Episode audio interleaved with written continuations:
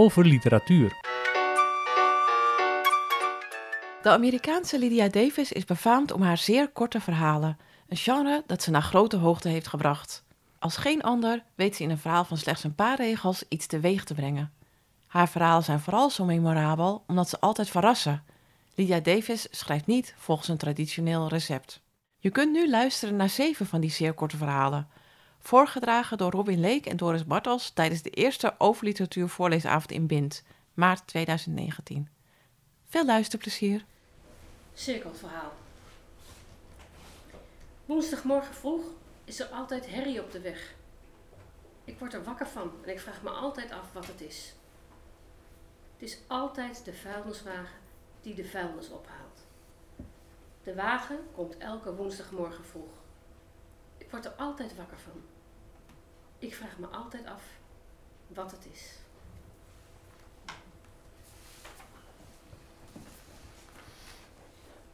Geld. Ik wil geen cadeaus, kaarten, telefoontjes, prijzen, kleren, vrienden, brieven, boeken, souvenirs, huisdieren, tijdschriften, land, machines, huizen, vermaak, eerbewijzen, goed nieuws, diners, sieraden, vakantie, bloemen of telegrammen meer. Ik wil alleen maar geld.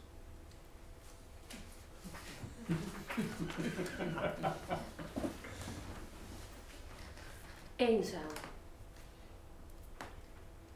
Niemand belt me.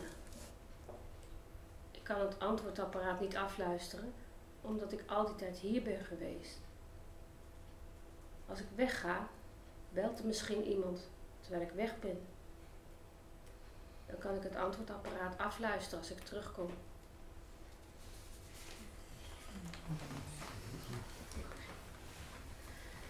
Wij kennen maar vier saaie mensen. De rest van onze vrienden vinden wij heel interessant.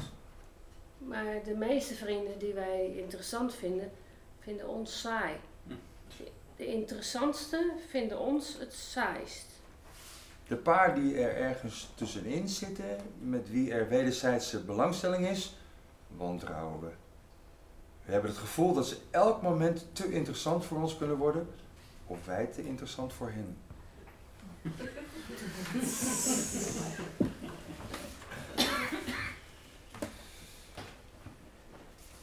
Een rare opwelling. Ik keek door mijn raam naar de straat beneden. De zon scheen en de winkeliers waren naar buiten gekomen om in de warmte te staan en naar de voorbijgangers te kijken. Maar waarom hielden de winkeliers hun handen over hun oren? En waarom renden de mensen de straat op alsof ze werden achtervolgd door een vreselijk schrikbeeld? Al gauw werd alles weer normaal. Het incident was niet meer dan een momen- moment van waanzin geweest, waarin de mensen de frustratie van hun leven niet konden verdragen en hadden toegegeven aan een rare opwelling.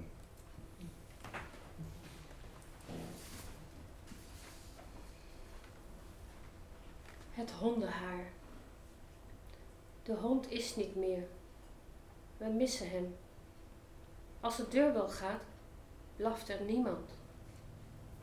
Als we laat thuiskomen, wacht er niemand op ons.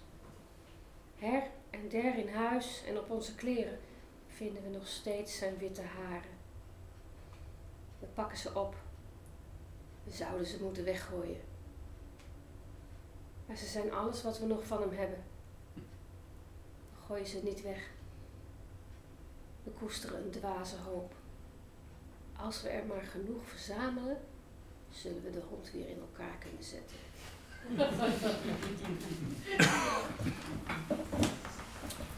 Financiën. Als ze met elkaar optellen en aftrekken, proberen ze te kijken of de verhouding gelijkwaardig is. Zal dat niet lukken? Hij, van zijn kant, brengt 50.000 dollar in, zegt zij. Nee, 70.000 dollar, zegt hij. Het maakt niet uit, zegt zij. Mij maakt het wel uit, zegt hij. Wat zij inbrengt is een half volgroeid kind. Is dat een credit of een debetpost? Wordt zij nu soms geacht hem dankbaar te zijn? Ze wil best dankbaar zijn, maar niet schuldplichtig. Niet dat hij iets van haar te goed heeft. Er moet een gevoel van gelijkwaardigheid zijn. Ik, ik vind het gewoon heerlijk bij jou te zijn, zegt zij. En jij vindt het heerlijk bij mij te zijn. Ik ben dankbaar dat je ons onderhoudt. En ik weet dat je mijn kind soms lastig vindt, al zeg je dat het een lief kind is.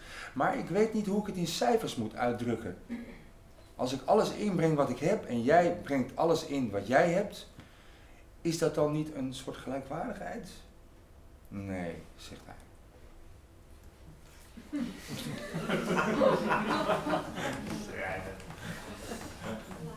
Dit was een kleine selectie uit de zeer korte verhalen van Lydia Davis.